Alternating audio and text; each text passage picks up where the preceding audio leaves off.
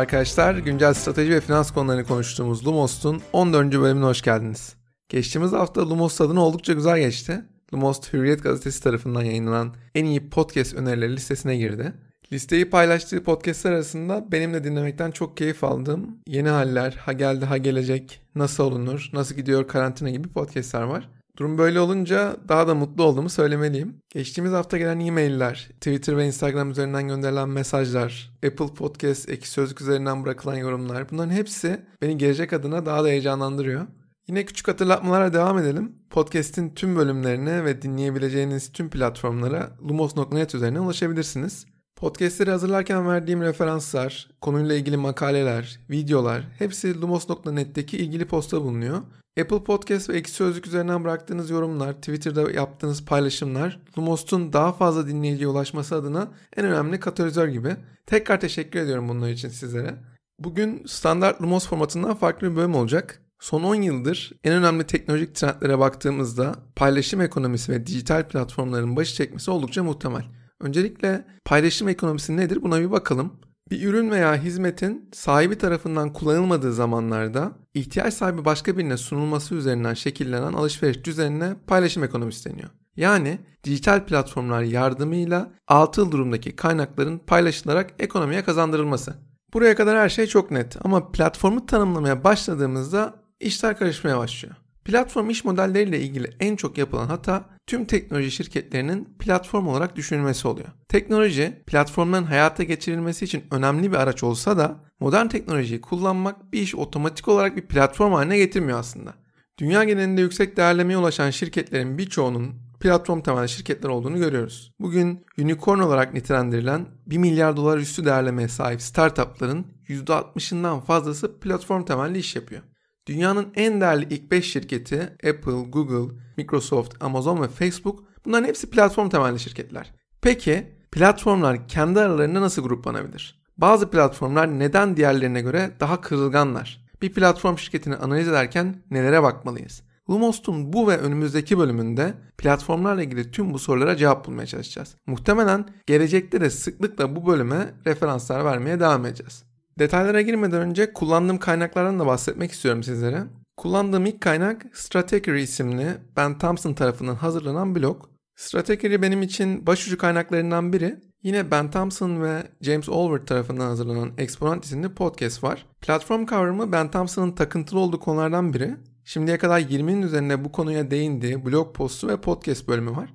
Kullandığım ikinci kaynakta geleneksel işletmelerin platform iş modeline dönüşmeleri için danışmanlık hizmeti veren Applico. Şirketin kurucusu ve Modern Monopolis isimli kitabın yazarı Alex Mozet de platform konusunda takıntılı bir diğer isim. Onun da haftalık olarak yayınlanan Winner Take All isimli bir podcast'i var. Ayrıca Applico'nun web sitesinde de düzenli olarak platformlar üzerine yazılar kaleme alıyor.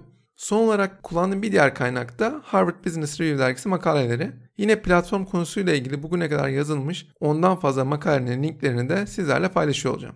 Hikayeye şimdi en başından başlayalım. İnternet öncesi döneme gidelim. İnternet öncesi döneme gittiğimizde tüketiciye dönük bir iş yapmanın en zor kısmı tüketiciye ulaşmak. Bunun bir doğal sonucu var. Müşteriler kendilerine ne sunulursa onu satın almak zorundalar. Şirketlerin operasyonları doğrusal bir tedarik zinciri şeklinde. Ham maddeler fabrikaya giriyor, işleniyor, daha değerli bir ürüne dönüştürülüp satılıyor. Yani arz temelli bir dünya var karşımızda. Sabit maliyetlerin yüksek olması sebebiyle ölçek oldukça önemli. Büyümek istiyorsanız daha fazla çalışan almak ve fiziksel varlıklarınızı arttırmaktan başka çareniz yok. Satışlar arttıkça maliyetler düşüyor. Böylece daha ucuz satış yapabiliyorsunuz. Daha ucuz sattığınızda da satışlarınız daha fazla arttığı için tekerleşme yolunda mükemmel çevrime ulaşıyorsunuz. Standard Oil, General Motors, General Electric, Walmart, ExxonMobil bu mükemmel çevrim yardımıyla teker haline gelen başta şirketler. İnternetin ortaya çıkışı tüm bu hikayeyi değiştirdi. Artık marjinal bir maliyeti olmadan tüketiciyle bağlantı kurulabilmesi mümkün hale geldi. Eski dünyanın en büyük problemi artık çözülmüştü. Tüketiciler eskiden belirli sayıda gazeteyi okuyup yerel bir moda mağazasında alışveriş yapıyorlardı. Artık online olarak sonsuz miktarda içerik kaynağına ve giyim mağazasına ulaşabiliyorlar. Tüketiciye erişim coğrafi alan ve raf sayınızla yani dağıtım ağınızla kısıtlıydı eskiden. Artık herkes tüketiciye tüm kanallardan ulaşabiliyor. Yani bir anda tüketiciye temas patlaması yaşanır oldu. Tabi bunun yarattığı olumsuz etki artık son kullanıcıların ilgisini çekmek oldukça zorlaşmıştı. arz ekonomisinden talep ekonomisine geçiş yapmıştık. Şirketlerin gücü sahip oldukları fiziksel varlıklardan değil, kullanıcılarından ve onların yarattığı etkileşim üzerinden ölçülmeye başlanmıştı. Şimdi bu noktada akla gelen soru şu. Her şirketin tüketicilere kolaylıkla ulaşabildiği bu dünyada tüketiciler gerçekten nereye bakmaya başladılar? Cevap sizin de tahmin edebileceğiniz gibi Amazon, Uber, Airbnb, Netflix, Facebook, Google gibi yapılar. Genellikle teknolojik bir altyapı yardımıyla kişileri, grupları ve kaynakları birbirine bağlayarak aralarındaki iletişim ya da etkileşimler üzerinden değer yaratan yapılara platform deniyor. Platform temelli işler eskiden beri varlar. Ancak son dönemde bu kadar çok konuşulmasının sebebi teknoloji sayesinde fiziksel altyapıya ve varlıklara olan gereksinimin ortadan kalkması. Artık çok düşük maliyetlere platformlar kurulabiliyor. Alışveriş merkezlerinin alıcılarla satıcıları bir araya getirmesi, gazetelerin reklam verenlerle okuyucuları birleştirmesi, açık arttırma düzenleyen şirketler, platform temelli iş modelinin oldukça eskiye dayanan örnekleri. Platformların 3 temel özelliği var. Bunlardan ilki kullanıcılarla doğrudan bir ilişkiye sahip olmaları. Tüketiciler platformun uygulamasını veya web sitesini ziyaret ederek her zaman platformla etkileşim sağlayabiliyorlar. En basit tanımıyla bu şirketler tüketicinin talebini tek bir yerde topluyorlar. Müşterilerini çok iyi tanıdıkları için de onların sorununa çözüm üretebiliyorlar. Tüketicilerin bir bilgiye ihtiyaç duyduğunda Google'a, konaklama ihtiyaçları olduğunda Airbnb'ye, ulaşım ihtiyaçları olduğunda Uber'e başvurması bunun en güzel örneği. Platformların ikinci bir özelliği de network etkisinden az ya da çok faydalanmaları. Platformlar satın alma maliyetlerini düşüren talep odaklı çok taraflı ağlar. Çok taraflı olarak tanımlanmalarının sebebi iki veya daha fazla taraf arasındaki etkileşimi kolaylaştırmaları. Platformdaki kullanıcı sayısı artıyor, daha fazla tedarikçi için cazip hale geliyor daha fazla tedarikçi geldikçe de kullanıcı sayısı artıyor. Platforma katılan her kullanıcı platformu hali hazırda kullananlara artan oranda fayda sağlıyor. İşte tam olarak buna network etkisi deniyor. Network etkisinin en basit örneği sabit telefonlar. Sabit telefonlar ilk yaygınlaştığı zamanlarda yalnızca başka kullanıcıların da bir telefonu varsa işlevli. Yalnızca bir kişi telefona sahipse telefon şebekesinin hiçbir değeri yok.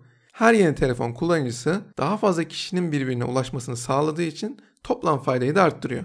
Network etkisinde bir başka örnek de Uber üzerinden verilebilir. Yani bir sürücü Uber'e katıldığında daha fazla yolcuyu sisteme çektiği için platformdaki tüm sürücüler bundan faydalanmış olur. Network etkisi platformların alışık olmadığımız şekilde geometrik olarak büyümesine yardımcı oluyor. Platformların üçüncü bir özelliği de her bir yeni kullanıcının marjinal maliyetinin sıfır olması. Bu yapıların milyonlarca hatta milyarlarca tüketiciyi bir araya getirirken her gelen yeni kullanıcıda görece ekstra sıfır maliyete sahip olmaları en önemli avantajları bana göre.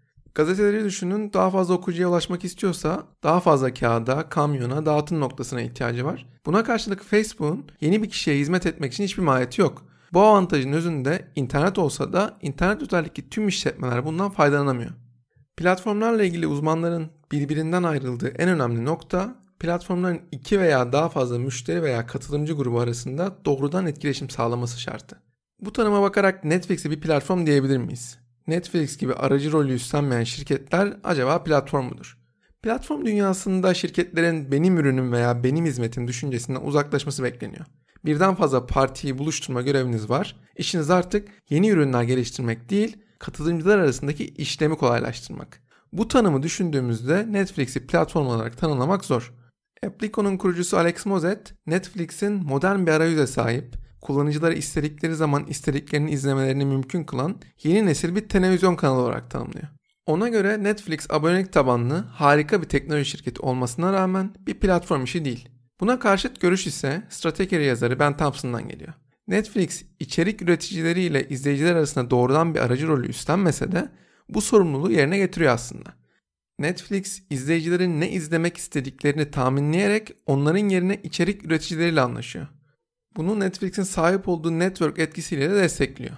Netflix ne kadar çok kullanıcıya sahip olursa içerik için daha fazla para harcayabiliyor ve bu sayede yeni içerik edinme maliyetlerini de düşürüyor. Platformdaki yeni içerik sayısı arttıkça da daha fazla kullanıcıyı sisteme çekebiliyor. Netflix çok taraflı platform tanımına uymasa da geleneksel bir satıcı rolü olduğunu da söylemek zor.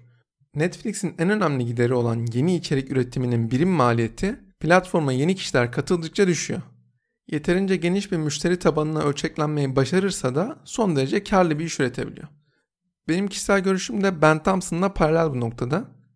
Platformlar sizin de fark ettiğiniz gibi aynı temel iş modelini paylaşsa da hepsinin aynı olduğunu söylemek zor. Bu noktada platformları birbirinden ayırmak için herkes tarafından kabul gören bir standart da oluşturulmuş değil. Hem Applico hem de Stratechery platform şirketlerini öncelikle iki temel gruba ayırıyorlar. Ben podcast'in bu bölümünün oldukça önemli olduğunu düşünüyorum. İlk grup üretici ile tüketici arasındaki alışverişi optimize ederek değer sağlayan aggregator'lar yani toplayıcı platformlar. İkinci grup ise üreticilerin tamamlayıcı ürünler oluşturmalarını ve bunları geniş bir kitleye yayınlamalarını ya da dağıtmalarını sağlayarak değer üreten yaratıcı platformlar. İlk olarak yaratıcı platformlarla başlayalım. Yaratıcı platformların bir tarafında yazılım geliştirme temelli olanlar var. Bunun en tanınmış olanlarından biri Windows. Üzerine ekosistem inşa edilebilen bir temelden bahsediyoruz burada. Windows'un kişisel bilgisayarlar için işletim sistemi sağlaması, yazılımcılar için API vermesi ve son kullanıcılar için bir kullanıcı arayüzü sağlaması her üç grubunda yararına. Windows platformu sayesinde her şeyi birbirine bağlayan geliştiriciler kişisel bilgisayarları son kullanıcılar için kullanışlı hale getiren uygulamalar yazıyorlar. Bu durumun doğal sonucu ekosistemin ayakta kalabilmesi adına Windows'un gereklilik haline gelmesi oldu. Bir an için kendinizi bir uygulama geliştiren olarak hayal edin. Kullanıcılara ulaşmak istiyorsanız Windows'tan başka bir seçeneğiniz yok. Kullanıcı tarafında da popüler uygulamaları kullanmak istiyorsanız Windows yine tek seçenek. Windows'a benzer şekilde Android ve iOS'i de bu kategori altında sayabiliriz bence. Bu tarz platformların teknolojideki en güçlü ekonomik ve inovasyon motoru olarak görenlerin sayısı hiç de az değil. Bu platformlar daha önce hiç bulunmayan ürünler için olasılık yaratıyorlar ve büyük miktarlarda yeniliğin temelini oluşturuyorlar. Bu sebeple platformların sayısının artması ve büyümesi her zaman toplumun yararına görülüyor. Bununla birlikte bir problem de var. Bu platformların kötüye kullanılma tehlikesi de oldukça yüksek. Çünkü kullanıcılar ve üçüncü taraf geliştiricilerin başka alternatifleri yok. Bu platformların ana fonksiyonlarından biri üretilen bir ürünü binlerce bazen milyonlarca kişiye ulaştırmak oluyor. Yaratıcı platformları ortaya çıkmasını sağladıkları ekosistemle başarılı oluyorlar.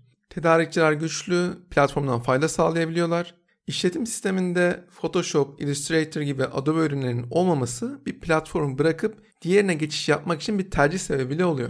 Örneğin Microsoft 3. parti tedarikçilerini kaybettiğinde kendi değerini de sürdüremiyor. Başarısız Windows telefon denemeleri bunun çok güzel bir örneği aslında.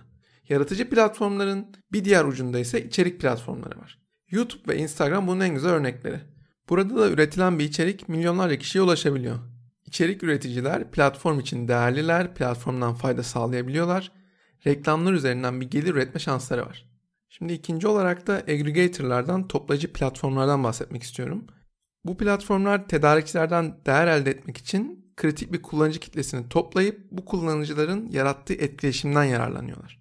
Kimler bunlar? Uber, Airbnb gibi servis pazar yerleri, Etsy, eBay gibi ürün pazar yerleri, PayPal, Square, Stripe gibi ödeme platformları, AngelList, Landing Club gibi yatırım platformları, Facebook, Tinder gibi sosyal medya platformları, WhatsApp, Skype gibi iletişim platformları, Minecraft, Pokemon Go gibi sosyal oyun platformlarını bu kategorinin elemanları olarak düşünebilirsiniz.